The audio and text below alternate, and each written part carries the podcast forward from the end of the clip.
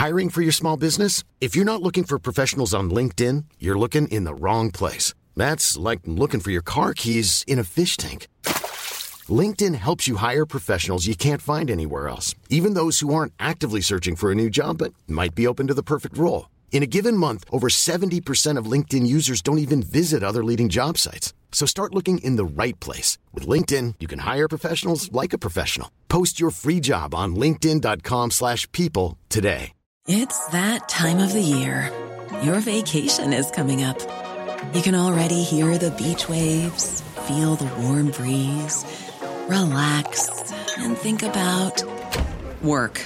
You really, really want it all to work out while you're away. Monday.com gives you and the team that peace of mind.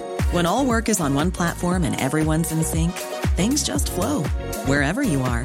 Tap the banner to go to Monday.com.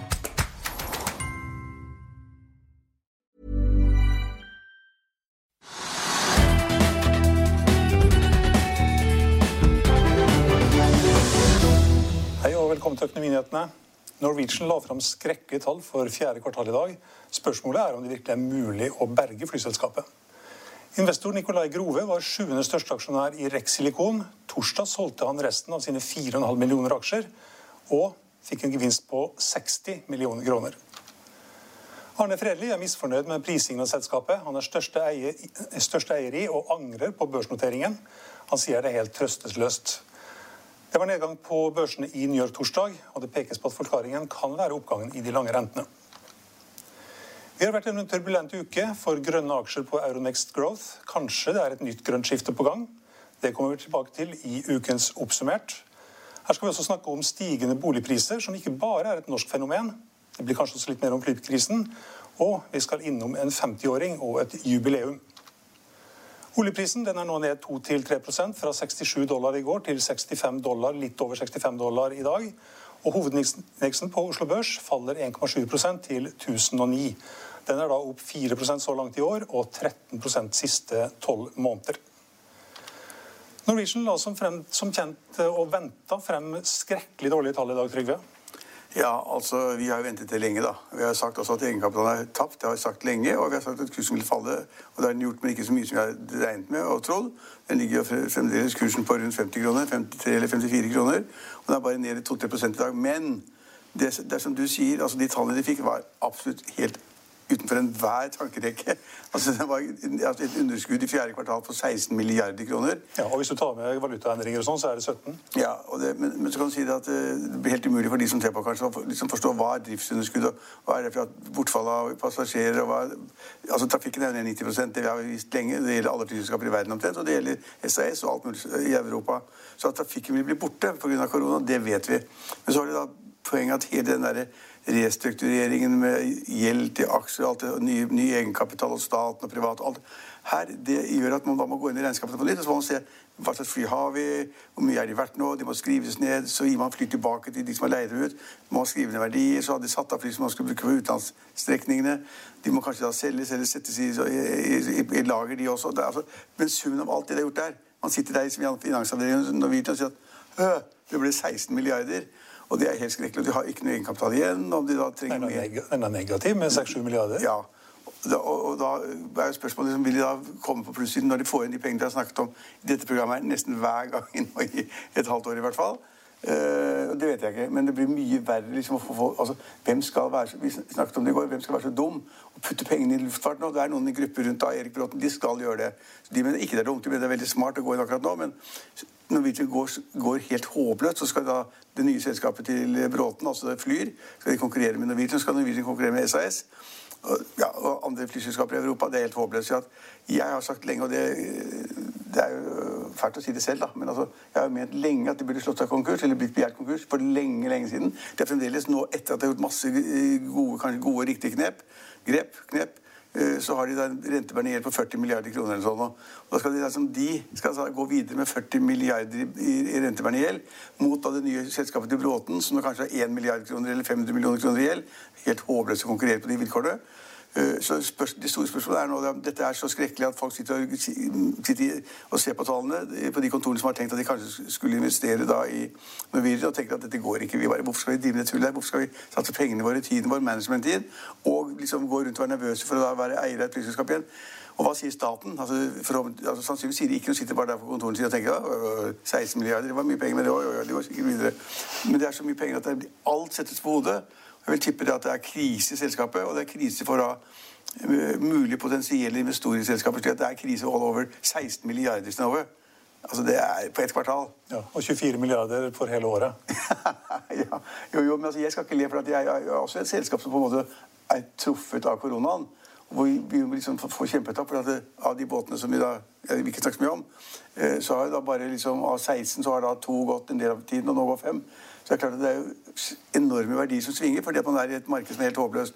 Men akkurat at Norwegian, som har stått frem som liksom at de får det til, og staten syns de er flinke, og investorene vil se på det, at de da skal liksom ta, tape 16 milliarder på et kvartal eller 20 millioner på året, det, er, det, er liksom, det kunne ikke jeg forestille meg, faktisk. Men jeg visste jo at flyene skulle nedskrives. Jeg visste jo at den betalingen, forskuddsbetalingen de hadde tatt på flyet de hadde bestilt, den får ikke igjen. Altså, de, de, de, de betaler penger når du bestiller, og så betaler du resten når du får flyene. De du kjøper, da. De fleste leier man jo. Uh, men, men, at det skulle bli så mye penger, det kunne jeg ikke tenkt meg. Det er uh, helt horrendes. Tidligere sagt at det var 50-50, kanskje ikke så mye som 50-50 engang, for at de uh, kan reddes. Hva tror du nå? Altså Etter de nye tallene så bør de jo ikke reddes. Om de, klarer, om de blir det, det vet jeg ikke. Så sjansen er kanskje ikke mer enn 10-20 Alt går jo mot dem. Det blir, altså det blir vanskelig å drive flyfart i, luftfart i lang tid fremover.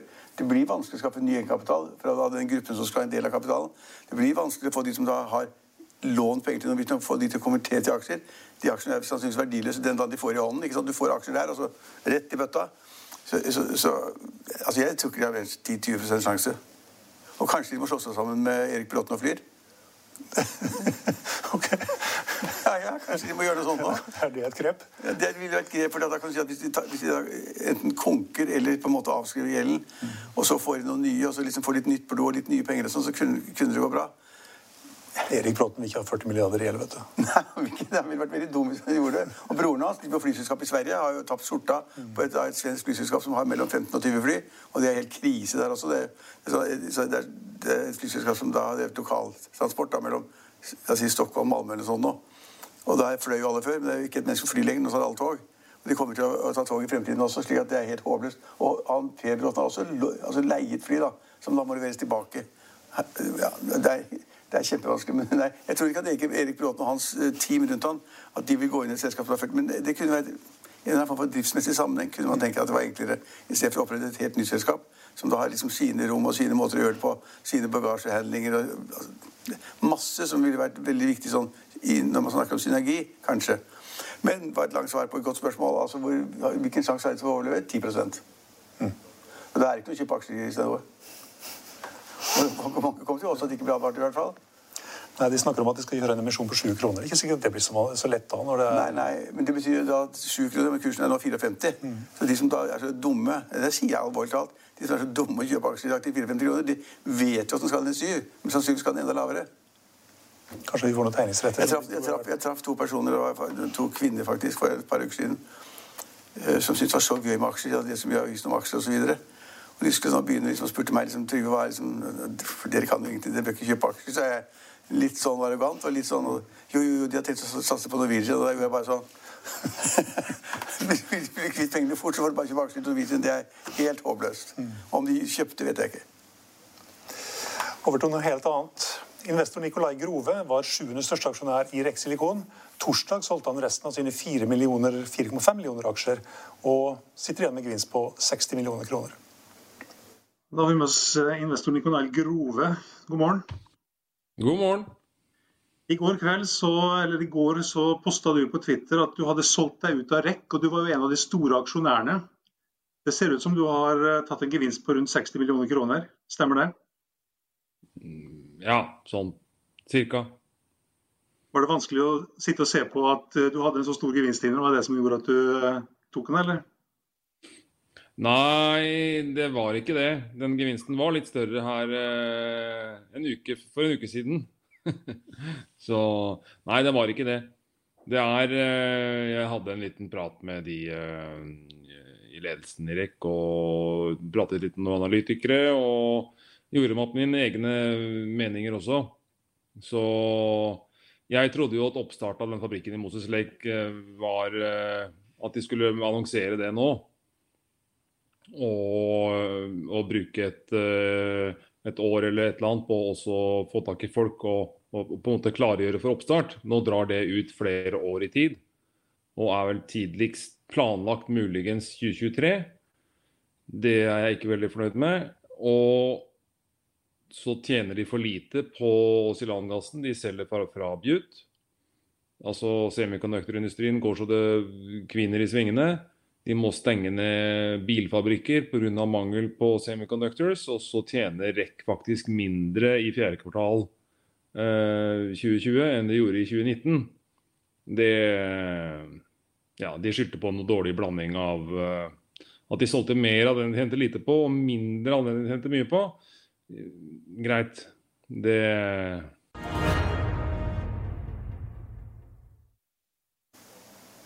Ja, Gevinst på 60 millioner kroner, det er ikke så verst, det. Det er pent, det. Ja, det er veldig pent. han drømte om det for to år siden. Og så... En, det er som gamle skipsleder Bergesen sa. Bergesen DI. Han ble også spurt om liksom, hvordan dette var å tjene penger. og Sånn, en million her, en million der. Det blir penger av det. han fortalte det også litt senere i intervjuet, at han eh, solgte to millioner aksjer når han satt i skiheisen på Hemsedal i uka som gikk. det er bra. da, En avslappet holdning til det. Men jeg, tror nok det er ganske mye av de, de som ser vårt, vårt program, og de som er i finansmarkedet, som da er på ferie nå. Det er blå himmel overalt, og det er påskevær. Og da er det nok på ski, men de har med telefonen, så gjør de nok noen raske transaksjoner. De fleste fornuftige er da på en måte ut av det som er skummelt. da. Men det er ikke sånn superskumle aksjer nå. Man sitter nå kanskje med litt mer tryggere aksjer da. Han skal være glad for at det var såpass likviditet i den aksjen. 4,5 millioner aksjer. Det, ja, det er, han det er meg. Ja, ja. Uh, Arne Fredli han angrer på børsnoteringen av Hunter Group. Det er helt trøstesløst, sier han, og klager både på analytikere og journalister. Hva skal, vi, hva skal vi si til det? Han er en proff, han. Ja, han er en litt morsom person. da, for Han har jo laget et eget tankrederi. Det er bra. Jeg husker, husker ikke om det var ni skip eller noe sånt som han har kjøpt og kontrahert vet ikke om han har fått all men tror, det tror jeg ikke. Og så har han begynt å selge igjen også. Som at han har tatt en gevinst, ikke, altså en gevinst per skive han har solgt, men ikke så veldig mye penger, da. Lite grann. Uh, og så har han da gått på børs med det selskapet, og nå har han sett hvor lett det er for enkelte andre å 100 millioner blir 300 millioner, og 100 millioner blir 1 milliard osv. Det, det har jo vært helt sjukt, det som har skjedd de siste måneden. Mm. Helt sjukt. Uh, og da har han sikkert blitt litt misunnelig på de vennene sine som har liksom da, Spetalen har da liksom lansert et nytt selskap. Så har det vært 20 millioner, så har det plutselig vært 250 millioner. Og så tenker han her driver jeg og sliter og tar risk og eier verdensarvskip. Så han blitt litt sur og sinna for det. Og så sier han at det er dumt å ha vært på, på, på Oslo Børs, fordi at, på børsen, fordi at da blir verdiene som da folk er villige til å betale så lave at det er ikke noe gøy lenger. Men altså, verdiene er de samme uavhengig av om det blir notert på børsen. Så det er et sånt surreargument. Uh, ja, han mente, ja, han mente til og med at jeg, burde, at jeg gir kapital. da hadde sagt at liksom, han var litt på vei ned fordi at verdiene sank. Og så mente han ja, ja, han innrømmer det at verdiene har sunket veldig, og raten har falt. Men han har da vært så flink at han har sluttet regimet til en rate langt høyere enn alle andre. Så når andre får null i rater Det var negativ rate en stund, nemlig tankmarkedet. Hvis andre får null, så får jeg 20 000 dollar per dag, sier han. Mm. Så jeg er mye bedre. Ja, det er sikkert riktig. Han er flink, men han er litt fornærmet for at ikke alle ser det hele tiden. Mm. Så får han 20 000 dollar dagen, og så er break-even break på 21 000 dollar dagen. ja, ja. Ja, og kan jo bare selge skipene, da, så ja. får han realisert det. Og jeg, altså, jeg så på det, det siste transaksjonen han så det ut som han tjente 100 millioner i året eller noe sånt. Men altså, jeg, på det han driver med, så mye penger han har Han har sagt til meg en gang at han har investert i 7000 forskjellige selskaper i året. At han liksom, jeg skjønner ikke at han får det til. Altså, det er jo det er liksom oljefondet. De, de har investert i 9000 selskaper. At han kan sitte nede i Monaco, sikkert en fantastisk flott leilighet, og, og sitte og få tilbud inn i, i posten eller på mail eller hva, som, hva det måtte være, og så plukker da ut selskapet han skal forkaste og kjøpe og sånn. Det er godt gjort, altså. Han er, han er flink, god til å regne, men, men og tankeeventyret har han tjent penger, på, men ikke så mye som han hadde regnet med. For tankmarkedet har vært klin elendig. slik at ratene har liksom vært helt i bånn de, de siste halvåret i hvert fall. Bitte litt sånn, av og til litt opp, men så han får ikke særlig mer ut av det, så han bør egentlig selge alt sammen. Ja, og, og Finnes en grønn aksje? Finnes en grønn aksje, og få den inn på Euronex Growth. Ja. Eh, det var børsnedgangen i eh, New York i går. Noen sier at det er eh, oppgangen i de lange rentene som påvirker? Ja, altså fallet fall i USA Det var litt vettig å snakke om at liksom USA på all time high hele tiden, det er skummelt osv. Noen går ut, og det er rare ting. Men Nasdaq-indeksen var jo ned 3,6% i år. Det er mye. Og de andre var litt, indeksen var ned, de også. Så, så der lå det noe i kortene. Og da, og det har jo også der igjen, så det er jo liksom, Folk finner jo ikke på ting. Altså, det har vært diskutert i måneder nå om da rentenivået ville måtte gå opp i USA. og Kommer inflasjonen etter to år, og hva vil da sentralbanken i USA gjøre hvis inflasjonen kommer? og Sentralbanken skal da bekjempe inflasjonen, og at det blir for mye økonomisk aktivitet pga. hjelpepakken som Biden kommer med. Man snakker og man snakker og snakker. Men uansett hvor man snakker, så kan man se da på tiåringen, altså statsobligasjoner, ti år eh, løpetid. Den er en sånn eh, hovedrentefaktor da, som alle ser på, som også mange andre renter er bundet opp til. Og den har gått og gått og gått. Altså 1% 1,2, 1,3, 1,4. Og nå var den oppe i 1,5. Noen sier at i natt, jeg følger ikke med hele natta, jeg. Men da var den oppe i 1,6% og så ned igjen. Og nå er den kanskje, mens vi sitter og snakker nå, så er tiåringen omsettes da for renten er 1,4 eller 1,5 eller sånn, og 1,45. Og da like før Trump gikk av, så lå den litt på noen rundt 0,5, 0,6, 0,7? Ja. Men renten har gått og gått, og det er jo et signal på det at verden, eller USA eller andre, forventer et mye høyere rentenivå. Og et høyere rentenivå er dårlig av to grunner. For det første, de som da tidligere, kanskje jeg også, ikke hadde alternativ til å ha penger i, penger i, i, i banken, som jeg gjerne ville gjøre nå, vi gikk i aksjemarkedet. Mange. De hadde ikke noe alternativ, så de var i aksjemarkedet. Men nå har de alternativ. De har faste renter, får avkastning på pengene sine. Det er bra. Eh, og de som må låne penger, de må betale renter, så kostnadene øker. Det er ikke bra for aksjemarkedet. Så liksom, dette er dårlig for aksjemarkedet. De som skal diskontere fremtidige inntekter i sånne litt selskaper med inntektene langt frem i tid, verdien blir, nåverdien blir mye lavere. slik at høy rente, gjerne tiåringen, er dårlig for aksjemarkedet. Og der er vi akkurat nå. At alle ser at den stiger og stiger. Så lurer folk på om det virkelig er slik at teorien og praksis stemmer. Altså, så hvis renten går og går, vil det da svekke aksjemarkedet? Sannsynligvis. Mm. Og da vil det selvfølgelig også påvirke aksjene på Oslo Børs. Ja, absolutt. Det henger sammen. Mm. Og det er ikke bra. Og, der, og, derfor er jo Oslo Børs ned da jeg, da jeg gikk i studio og så på skjermen sist, så var jo Oslo Børs ned nesten 2% Det er merkbart. Ja. Og, og, oljeprisen var faktisk dippet under 65. Eh, det var så 64-tallet. Mm. Høyt. 64,9 64, eller sånn nå. Vi så 64-tallet. Oljeprisen er markert ned etter det som har skjedd. Og Oslo Børs er markert ned. Og de asiatiske, asiatiske børsene som så hva som skjedde i USA i natt, de var ned 3-4 alle sammen. Det er et veldig dårlig sentiment akkurat nå. Mm. Eh, nå er den bare ned 1,6% Ja, ja. Til 1011. Ja. sier litt om, um, om eh, dagens vinner, Rana Gruber. Ny aksje på Oslo Børs i dag. Ja, Jeg kan ikke selskapet. Jeg så bare at de sier at de, at de har alltid tjent penger, aldri har negativt tall, og de kommer til å tjene penger. Jeg kjenner ikke selskapet hvorfor man er der, og hvor de ligger omtrent engang. Vet det, Rana Irana, men, men, hva de skal drive og hvem som står bak, vet jeg ikke. Nå, og nå kan man jo egentlig børsnotere hva som helst. Ja, til og med, men vet du hvem som står bak, og hva de skal gjøre? eller?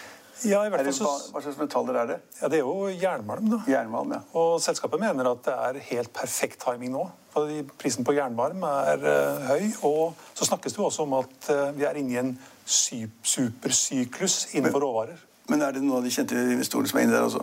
Jeg så at Brødrene Adolfsen, Roger og Christian, de har i hvert fall en eierandel. Så det er litt lokalt også? da, liksom fra, ja. Oppe fra Vestlandet og Nord-Norge og sånn? Ja, ja. Jeg kan ikke noe om det, men det, Selskapet, det, selskapet deres, Hospitality Invest, la forresten fram uh, Ja, men Brann og Gruber de la jo da, det, Selskapet kommer på børs i dag. Mm. og Det gikk jo 20 opp med en gang. Ja, nå er det 35. ja, men ja, Hvorfor skal vi jobbe hele dagen? Det er bare, det er bare å lansere selskapet på børsen, og så går det 20-30 ja, det De burde ha med Arne Fredli. Vi burde ha med Arne Fredli, ja. ja. Han kan iallfall regne på det. Ja. ja, det var vel uh, hovedtrekkene på Oslo Børs og Euronext Growth. I'm Sandra, and I'm just the professional your small business was looking for. But you didn't hire me because you didn't use LinkedIn jobs. LinkedIn has professionals you can't find anywhere else, including those who aren't actively looking for a new job but might be open to the perfect role, like me. In a given month, over 70% of LinkedIn users don't visit other leading job sites. So if you're not looking on LinkedIn, you'll miss out on great candidates like Sandra. Start hiring professionals like a professional. Post your free job on linkedin.com slash people today. I'll see you in court. Vi sier det ofte litt på spøk, men for deg som driver business, er det aldri moro å innse at du ikke har laget en 100 gyldig kontrakt. Du bør ikke risikere hele firmaet ditt fordi du synes dette med kontrakter er litt stress. En avtale er ikke en avtale Du kan miste kunder, miste venner, ja, til og med miste inntekter om du ikke lager en skikkelig kontrakt, på alt mulig, egentlig.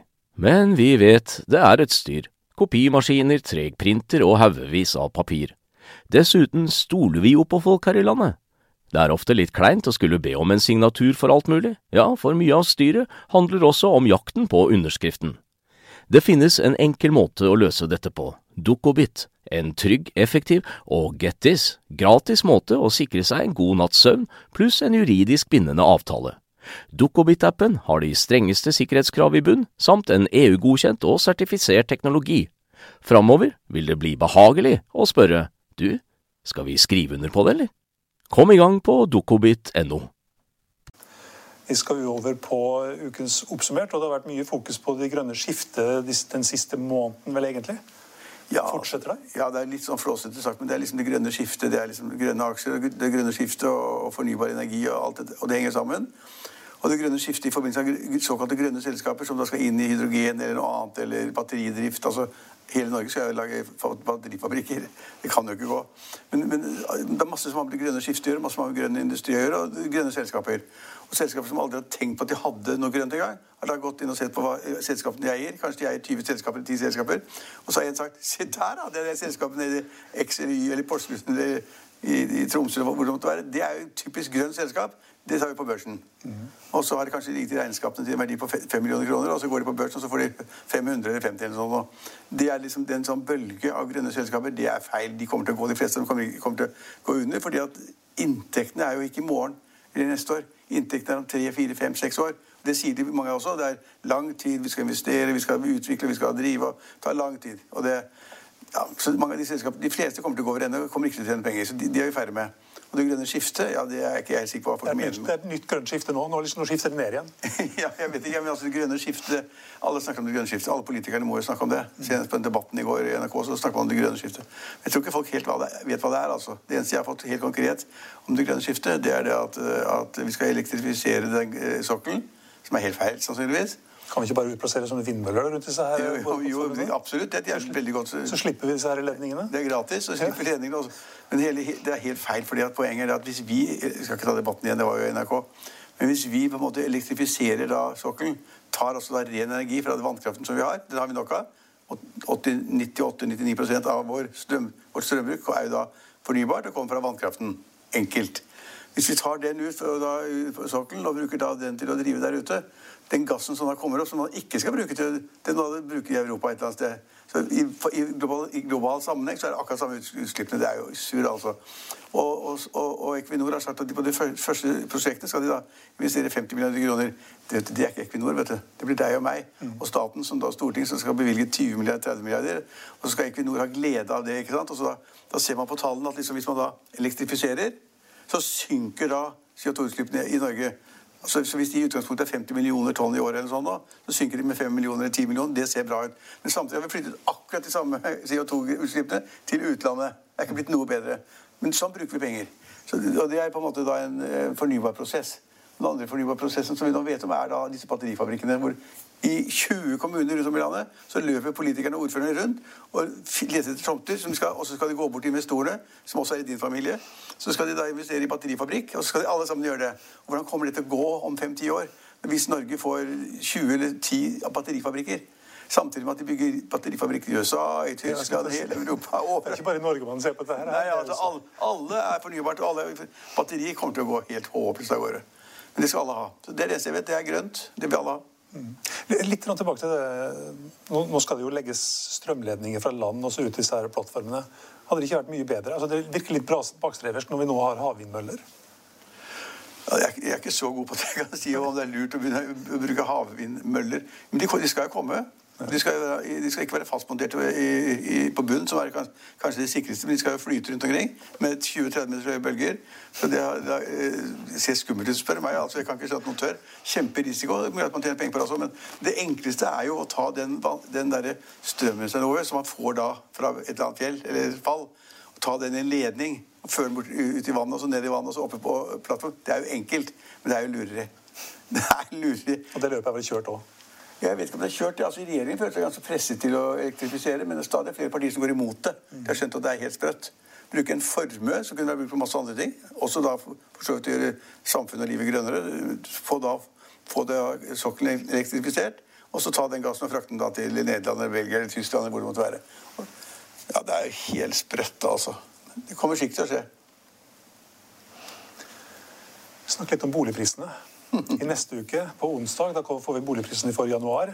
Og det kommer sikkert til å være sterke og Det blir pluss. gode tall. Ja, det blir pluss, altså, men jeg tror ikke det blir så veldig altså, jeg, nå, nå ligger vi an på landsbasis de siste tolv månedene. Har vi, nå må du korrigere meg, da, men har vi en vekst i boligprisene på rundt 8-9 8,6 tror jeg det var faktisk. jeg husker tallet. Og, og, og så spør mange seg liksom, hvordan går det videre. Jo, boligprisene kommer til å stige videre. Så, og jeg tipper at nå hvis det er januartallene som kommer nå, eller februartallene Ja, det er vel Vi Februartallene. er, vi er i februar nå, så det må være januar. Ja, så vi, De lager det ganske raskt, da. Fra liksom, februar er ute i slutten av uka. Nei, vi er jo ferdig med februar. Selvfølgelig, det er februartallene. Ja, det er februartallene. Ja, det er riktig. Ja, ja. Og da februartallene de tipper jeg stiger med mellom 1 og 2% Pluss minus. Litt mer i Oslo enn resten av landet. Og så hvis, det er, hvis snittøkningen er da 1,2-1,3 på landsbasis, så er det kanskje 1,5-1,6 i Oslo. kanskje. Så boligprisene stiger. Og det, eh, det gjør de for at det er for lite tilbud. Så da stiger prisene. Og det er særlig i Oslo. Det kommer til å fortsette. Og så kom det en eh, undersøkelse som da, eh, fra OECD som hadde vist at liksom, hvordan går det med boligprisene. Tror, liksom, vi tror at vi lever i en sånn egen verden liksom, det er bare i Norge hvor boligprisene stiger. og det, liksom, her er så fælt. Og, Det er oppe overalt. ja, så er det oppe overalt. Og av de landene man hadde undersøkt i OECD, da, så var det liksom 16 av 18 land som hadde vekst i boligprisene. Og, og, men det, hva de har i et annet land langt over det Verken du eller jeg bryr deg om det. Vi, altså, vi bryr oss om Norge og forstår det og kan gi råd om det. Men poenget er jo hvorfor stiger de overalt. Det er liksom poenget i denne koronatiden. Hvorfor er det boligprisene som stiger, og alt annet er fælt? Og det er fordi at folk har mer penger til disposisjon. Så husholdningene bruker mindre penger. De fly, reiser mindre på fly, de reiser mindre med bil, de tar mindre ferie, de er ikke i restauranter og bruker penger.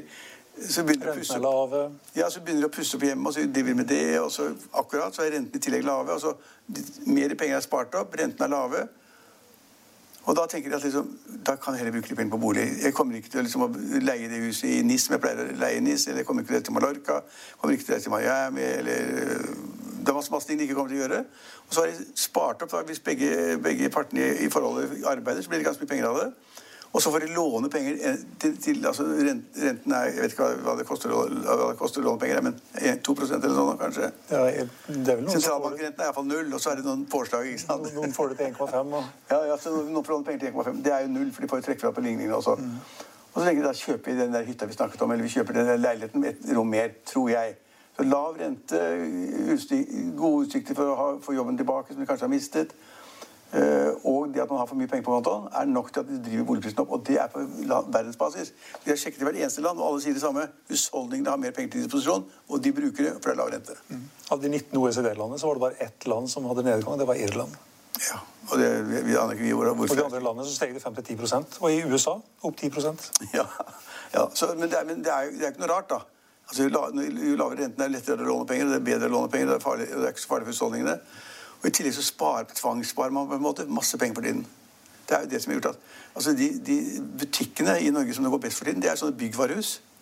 Og folk har ikke noe å gjøre. De har hjemmekontor, og så er de lei av kona eller mannen sin, og så liksom har ha en liten tur ut. Og da går de på byggvaresenteret og så kjøper de en ny, ny drill eller en ny planke eller skrur til noen greier og lager et eller annet nytt på, på gutterommet. Ja, det er ikke alle som har åpne om dagen, da. Nei, jeg vet Vi ikke. kjørte, vi kjørte til Maxbo på lørdag. og Oi, her var det jo nesten ingen folk. Var, var, var det stengt? Ja, var det stengt. Om dagen? Var det oppe om kvelden? da? Tror du det. Jeg Nei, trodde, jeg trodde alt som Hvis du er sånn, hvis du er sånn proff eh, sånn snekker og sånn, så kan du betale på Vipps, og så kan du dra og hente det. Da får du det utlevert. Jeg tror jeg kommer ned på mange butikker, for det kjøpesenteret jeg handler på, der er også folk stadig så er det sånne, sånne ruller utenfor vinduene, ikke sant? Sånne sikkerhetsruller og greier. Og de går opp og ned hele tiden hvis du går og står og ser på. Og så kommer det en annen person og gir en lapp, og så får de en vare, og så betaler de. Det er ikke helt stengt, altså. Men jeg syns synd på de som er stengt, jeg. Ja. Tenk på blomsterbutikkene. Ja. Det er ikke bra. Jo, altså nå, nå går smittetallene opp. Det er, vi trodde det skulle gå ned, ikke sant? alt skulle bli litt bedre, men nå går det såpass mye opp. Er det vinterferie? Ja, Raymond Johansen og de andre snakket liksom om å stramme til enda mer, og det, det er ikke bra. Det er ikke bra. Det som imidlertid er bra, det er eh, det her. Og det har gått bra i 50 år. ja, det er ganske morsomt. Hvordan føles det?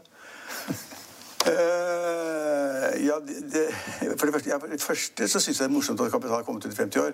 Men at Kapital har kommet ut i 50 år, 50 år som etablerte meg og meg som redaktør, betyr at jeg er kjempegammal. det er ikke noe, det er ikke noe kokettering det som over, men at jeg skjønner jo det at når bladet er 50 år, da er jeg ganske mye eldre. Så, men det har vært en utrolig reise, og uh, jeg har levd godt hele tiden. og og i dag den der bladet der, har vi den gjennomgang av historikken. Alle de sakene har vært gjennom og borti. Alt fra Obo-saken til politikere og masse andre saker. Svindel og bedrageri opp og ned. og Svindel mot Røde Kors. Det er, det er, så mange ting. Og nå da en av journalistene fikk i oppdrag liksom, å gå inn jeg hadde litt avstand til det, gå inn da liksom, og lage en historisk gjennomgang fra begynnelse til slutt, så er det nesten skremmende hvor fælt det har vært, og hvor morsomt det har vært å være med på det. Så det har vært en uh, kjempemorsom sak. og det, ja. Hvilken sak husker du best? Jeg husker Obo-saken best, for liksom, Obo så er liksom kjempen i norsk Bare fordi at du fikk fengselsstraff? Jeg fikk fengselsstraff også. ja, poenget, poenget, var at det vi klarte å dokumentere, for det kom noen til oss liksom, Så vi fikk det nesten i fanget. De, de, de, hadde, da, de hadde, da, smurt uh, ledende sånn, ansatte i Obos for å få jobben med å legge nytt tak eller reparere en dør eller ny, whatever. Mye var mye tak. Så smurte de da liksom ledende forvaltningsansatte i Obos for å få de jobbene. Så skrev jeg det at det var, at det, at det var korrupsjon i Obos. Og så hadde jeg tape som hadde innrømmet at de hadde gjort det. Og folk fikk liksom, reiste til Kiel med Kiel-effekten. Da fikk de konvolutter med penger og sånn. Obos altså fikk penger i, i cash. Uh, så det var helt korrupt. Uh, og det kunne bevises. Men likevel? Så gikk jeg fengsel fordi at da høy, Også Høyesterett kom til noe så tåpelig som da Oslo tingrett kom til. For øvrig, dommeren var da en var tillitsmann i Obos. Det var helt sirkus. Altså, I gamle dager kunne man gjøre hva, ja, i gamle dager kunne gjøre hva du ville. Det var helt sirkus. Men i alle fall så sa de at ok, sa også Høyesterett at vi, vi, vi, ser at det har vært korrupsjon, og det har betalt penger og det har gjort masse rart og reparert biler og mye rart. Men Hegnar og Kapital kunne ikke bevise at det at da en mann fikk en, en konvolutt med penger eller noe annet, at han da hadde gitt tak A eller B eller C eller bygg 400 gitt etter en spesiell entreprenør. De kunne ikke bevise at det hang sammen. Så selve korrupsjonen og det at det, det ble tak, og hvor mye det taket ble dyrere enn det ellers skulle vært, var ikke bevis. og dermed så sa det ikke korrupsjon. Det er, den jusen er ferdig, altså. Ja, jeg skulle til å si det, at Hadde den saken vært godt, hadde den gått nå, så hadde det vel uh... Ja, da altså korrupsjonsbestemmelsen. Da tapte det suste med en eneste gang. Du fikk ikke bevise da det at det taket ved siden av ble tre kroner dyrere per kvadratmeter fordi de da var en korrupt mann som hadde liksom gitt ordren. Altså, det er en helt håpløs greie.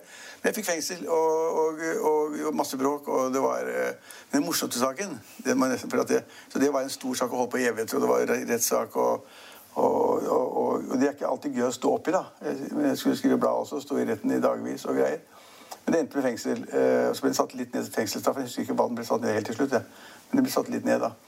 Men, men det morsomme, en morsom sak var da Dette var midt, midt på 70-tallet. Da var det da en SV-politiker som da ønsket å få litt mer diett enn han da hadde, hadde, hadde, krav på. Så i stedet for å si at han bodde i Oslo, som han gjorde, så sa han at han bodde i Fredrikstad. Og det fikk jeg tips om at han bodde ikke i Fredrikstad. så han tok, fikk dobbelt så mye diett som han skulle ha. Da. Det har vært noen sånne lignende saker senere også, ikke sant? med reiseregninger og tull. Helt opp til vår tid. Dette var midten 70, på midten av 70-tallet. Og det en SV-politiker. Så jeg dro ned til Fredrikstad da, og så fant det stedet han sa han bodde. Der var han jo ikke. Og det var ingen andre som kjente til den, den boligen heller. Men da, var jeg så, da var jeg ble litt perpleks. da. Jeg sto i døra og snakket med fremmede mennesker, og så sa jeg liksom at jeg var Per Hansen fra, fra Fredrikstad. Det var ikke bra. det var ikke bra, så det fikk jeg da. Så når Journalistlaget syntes det var helt forferdelig at jeg kunne si at det var et annet navn. Jeg skulle sjekke noe lov.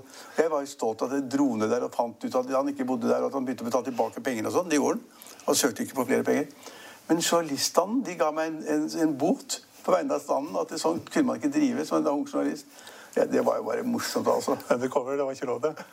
Nei, og i dag, Hvis du finner en alvorlig sak, og det finnes jo gode saker på det, hvor da våre konkurrenter har gjort gode ting med falskt navn i ja, beklager ikke noen konkrete saker, men mine konkurrenter gjør gode jobber. Og da får du SKU-prisen. jeg fikk bot, jeg. det er ikke noe å klage på. Det har vært utrolig, altså det, det å drive kapital i 50 år Altså Det er dobbelt så lenge som mine barns alder i dag. De er 25 og 27 år. Det er, det er nesten ikke til å tro. Og så er det slik at bladene kommer og kommer og kommer. Og, og, og, det er ikke like gøy hver gang. Det er ikke gøy å lage forsiden som jeg gjorde denne gangen, som den gangen. Det, øh, så det driver drive journalistikk og på en måte det, det, det, pulserer hele tiden, det stopper aldri opp, så er det en utrolig altså, det, er, det er en lykkefølelse. og man, liksom, Man skal være ydmyk for at du får lov til å drive med noe som er så gøy som det. Og så har jeg da vært litt dum, fordi at jeg har jo da Jeg hadde holdt på med kapital i 50 år, og jeg hadde jo ikke fem øre. Og jeg hadde ikke telefon, jeg hadde ikke kontor, jeg hadde ingen ansatte. Så er, historikken er ganske morsom. og det er faktisk For mange gründere vil det være ganske interessant å se hvordan man går an å starte fra scratch uten å ha fem øre. Jeg hadde ikke telefon engang. Ikke Hadde, fem øre. du, du hadde jobb, da? Jeg hadde jobb, jeg jobbet i Sporveien. som forsker. Først som forsker, og så jobbet jeg i Sporveien. Uh, man fikk ikke så høy lønn som forsker i staten, da. Men jeg fikk det i Sporveien. Men eh, jeg hadde jobb, eh, men ikke noe annet. Og så, og så har det blitt et blad som har vart og vart og vart, og, og har gitt utrolig glede. eh, som journalist og redaktør. Og så, men så begynte jeg med Finansavisen i 1992. Vi skal komme tilbake til det. Bare en liten ting. Hadde du hadde du takka ja, ja til den jobben som faren din mente du skulle ta? Da hadde hadde det kanskje ikke blitt noe av? Nei, Det er også en søt historie, fordi at akkurat da jeg skulle begynne med Kapital, bare noen uker før, så en eller annen mystisk grunn så hadde da sjefen i DNC, som det, det som er nå DNB, da, Norges største finanskonsern, de hadde funnet ut at de gjerne skulle ha meg som rådgiver. Jeg kan ikke helt skjønne hvordan de fant frem til meg der, men, men det, jeg har en viss anelse, da. Men i alle fall så var det, ja, så han ene het Bang, han andre het Damman. Det var to toppsjefer, og de ville ha meg som rådgiver. eh, Og jeg var en kjempeung mann, så det var jo Og det tenkte jeg liksom, jeg hadde studielån og billån og, og huslån, så jeg tenkte det var veldig fint å begynne å få jobb i bank, da. De ordnet alltid med lånet, går jeg ut fra. Og så, og så fortalte jeg dette til min far at jeg, hadde fått tilbud fra DNB om å være rådgiver for de folk som han kjente, fordi at min far jobbet hos Olsen, og Olsen var stor kunde i banken, eh, så de kjente alle sammen. Og så sa jeg, jeg sa nei takk, nei, det sa jeg nei takk til, for det var mye gøyere å være journalist uten fem øre. Og da var det bare Da var det jo familiens overhode trodde liksom at jeg hadde mistet helt taket på det. Og, og det var sannsynligvis riktig. Også, så burde kanskje blitt banksjef. Eller banksjefs rådgiver. Denne her, her, det magasinet her er da 50 år, og neste år så er Finansavisen 30 år. Ja, altså, det var det jeg skulle til å si. At uh, Siden jeg syns journalistikk er så morsomt, da, når vi snakket litt om det her, slutten av uken, så, så, så det er også ganske underlig nesten at Finansavisen kommer og er 30 år. For der har konkurransen vært mye tøffere. Da Kapital begynte, så var det ikke konkurranse i det hele tatt. Uh, men Finansavisen kom da mot Dagens Næringsliv, som har blitt et etablert og bra produkt. Uh, så at vi turte å satse på det, var ganske gøy. Men det, er jo da mye mer jobb for meg. Så jeg skulle vært pensjonert banksjef. De, de går vel av når jeg er 62. Så jeg skulle jo gått rundt og pusla på golfbanen et eller annet sted og plukket blomster og sånn, og i 20 år allerede, tenker jeg. To, to, nesten 20 år. Eh, eller jeg skulle da Ja, jeg kunne vært pensjonert banksjef eh, eller pensjonert redaktør, da. Men så ble det også Finansavisen, som gjør at vi da er både i det segmentet med bladet, og så er vi da i, i det pulserende nyhetsbildet som du er en del av, og som vi nå har gjort masse i år. Eller i fjor, fjor, fjor og året før. For å bli digitalisert og komme ut av Finansavisen på nett osv. Nå har vi bladet der, og så har vi Finansavisen, som da på en måte er papirproduktet. Uh, som jeg hele tiden har forfektet. for Jeg, jeg liker papiraviser. Mens du og Sten Ove og min sønn og sånn liksom vil ha, de, d- d- dere vil ha digitale produktet, som vi har. Og begge deler. Og så I samme bygning der så har vi også da ABC Nyheter, som da på en måte vi kjøpte for et par år siden. Så vi har liksom allmennmarkedet med mange millioner brukere og seere hver dag. Og så har vi Kapital, og så har vi da Finansavisen. Og det er jo for å si altså, det er skita gøy. Ja, det, er, det er, Drivejournalistikk er så morsomt. Uh, men uh, ja. Eh, Jeg fant en annen morsom eh, Det er alltid mye å lese her. Og i denne utgaven her så er det også et portrett av Torstein Hagen, cruisekongen. Ja. Og der også skjedde noe morsomt for 50 år siden. ja, han sier det. Jeg, jeg visste ikke det. Altså, han, Torstein Hagen er en fantastisk bra person. Godt utdannet, kan masse rart. Og er nå en av verdens største cruiseeiere. Eh, Og han klarte å utvikle det omtrent fra null med sånne russiske elvebåter på Donau og greier.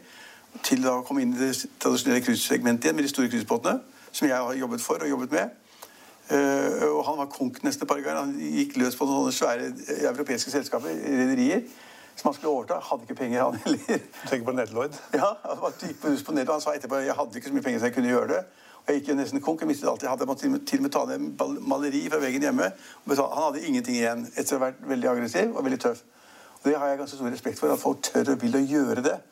Eh, og så jobbet han i DNO, som oljeselskap, og det gikk ikke så veldig bra. Og så, og så sier han da, i et intervju, portrettintervju med, med han i bladet vårt i dag, eh, dagens utgave, så sier han det at det Hegnar ikke vet, er at for 50 år siden Kapital er 50 år. Da leste jeg en artikkel i første utgave nummer én eller to av Kapital. Og en artikkel om Bergisk, Bergisk Dampskipsselskap.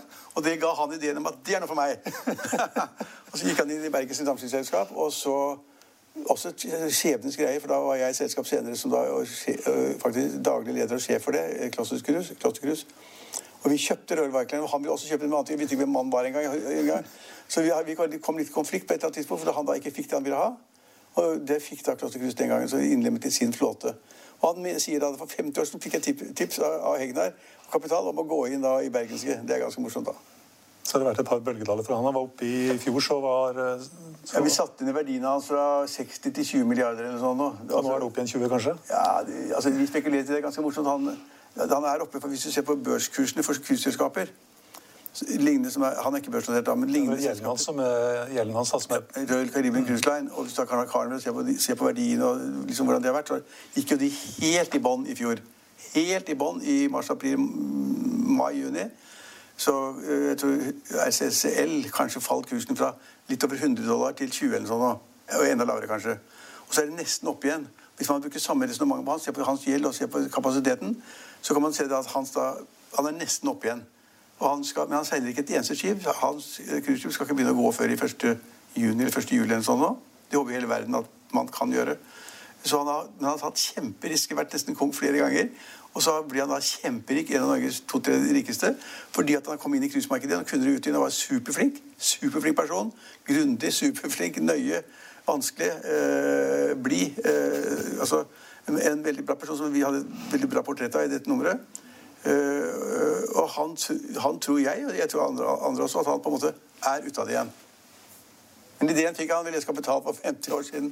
Hvem var det vi hadde? Vi hadde også en kjent, kjent person som fikk en utrolig fin stilling. Han leste en stillingsannonse i Kapital. En omtale. Søkte han på en jobb, og så fikk han liksom, jeg husker nesten ikke hvem var engang, men det var en veldig kjent person veldig, veldig lenge siden. Jo, jo, jo!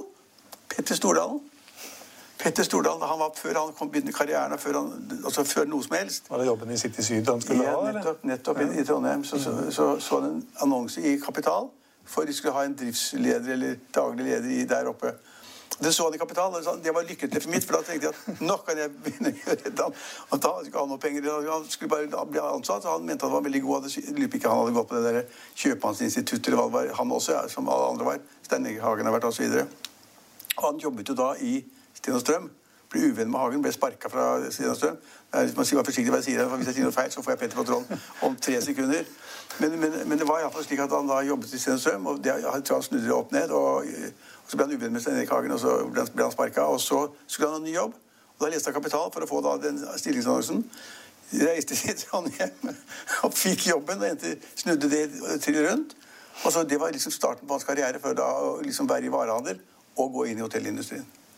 Og nå er han problemet også, for nå er det ingen som reiser på hotell lenger. Så, altså, det går opp og ned. Altså, du skal, men du skal ha litt stayerevne, så må du ha litt flaks. Må ha flaks, Og så må du ha litt penger. Og så Ja, du må ha penger. Og så ikke noe gjeld. Vel, det er det bare jeg som ikke har. Det er fordi at jeg er litt gammeldags. Så det, du har jo jobbet med meg så lenge at du vet at Så dette huset her det er et ganske godt eksempel på hvis du liksom er litt forsiktig og litt gammeldags og litt konservativ. Så da jeg bygget dette eh, kontoret, som, hvor vi alle er, så lånte jeg ikke fem øre. Jeg syntes det var så deilig å bare ta cashen sånn. Vær så god. Ferdig betalt. Men, det, men da, hadde man lånt penger, så kunne man hatt flere bygg. ikke sant? Ja, Men når det er tidene går ned Kunne gira det. kunne gira det. Sånn som Stordalen har gjort. Sånn Stordalen har gjort. Men når tidene blir litt dårlige, så er det litt mer skummelt. Det er mye bedre å ha bygg. Og hvis man noen gang skal selge noe, så får man jo alle pengene sjøl. Alle andre, Hvis de selger noe, så må de gå og gi banken 60 eller 70 ja. det, er, det er litt filosofi dette. så er litt morsomt, og Historikken er litt morsom. Men det er morsomt å lage et blad etter 50 år. Faktisk morsomt. For en sporveisansatt den gangen som jobbet i Sporveien. Vet du, mitt- kontor var men altså, det var ganske morsomt. Jeg jobbet i Sporveien om dagen, da, og så jobbet jeg med Kapital om natten. Eh, og så da begynte jeg å interessere meg for det som du er veldig god i, i teknisk analyse. Så på mitt kontor i Sporveien, i åttende etasje var det vel, når folk da i Sporveien så kom inn, de holdt på med rutetabeller og, og skipsplaner og greier sånn. Så det var svære ark med sånne kryss og rundinger. Og jeg førte da sånn teknisk analyse på enkelte selskaper. Og de som kom inn til meg, spurte hva er det for noe, Hegnar? Point and Det er figure-analyse. point and figure-analyse. Da jeg leste en bok fra utlandet og lærte meg alt om point point and figure. Vi ga den ut også, faktisk. Ja, du skrev en bok. Ja, ja, ja. Men jeg da, i sporet, var ikke veldig, veldig vant til point and figure-analyser. Hvordan, kursen gikk på morsomme tider, altså. Ja, det er morsomme tider. Man lærer mye. Da får vi vel eh, runde av der, tenker jeg. Ja. Vi kunne snakka litt om eh, politikk òg, men det får vi Ta en annen gang, det, ja. Det er Venstre har fått mye penger fra Kristin Sveaas og Stein Erik Hagen. Ja. Det er ikke noe Ja. ja. Mm. Det får vi komme tilbake til. I Finansavisen lørdag kan du lese om vin, mote, makro og skatt, innsideporteføljen, som har gått bra, gått bedre enn børsen i 21 av 24 år. I hvert fall så har aksjeporteføljen, innsideporteføljen, vært opp i 21 av 24 år. Du får også Motormagasinet. Du får Trygve Egners leder. Du kan lese om spøkelseshotellet i Nordmarka som er revet for å bygge et nytt, kanskje i verdensklasse. Og om at vi kanskje må ha mer tillit til robotene. Du kan også lese om Kitron-sjefen som tenker at det meste i livet går bra. Og Det var det vi hadde for i dag. Vi er tilbake igjen på mandag klokken 15.30. Følg med oss igjen da.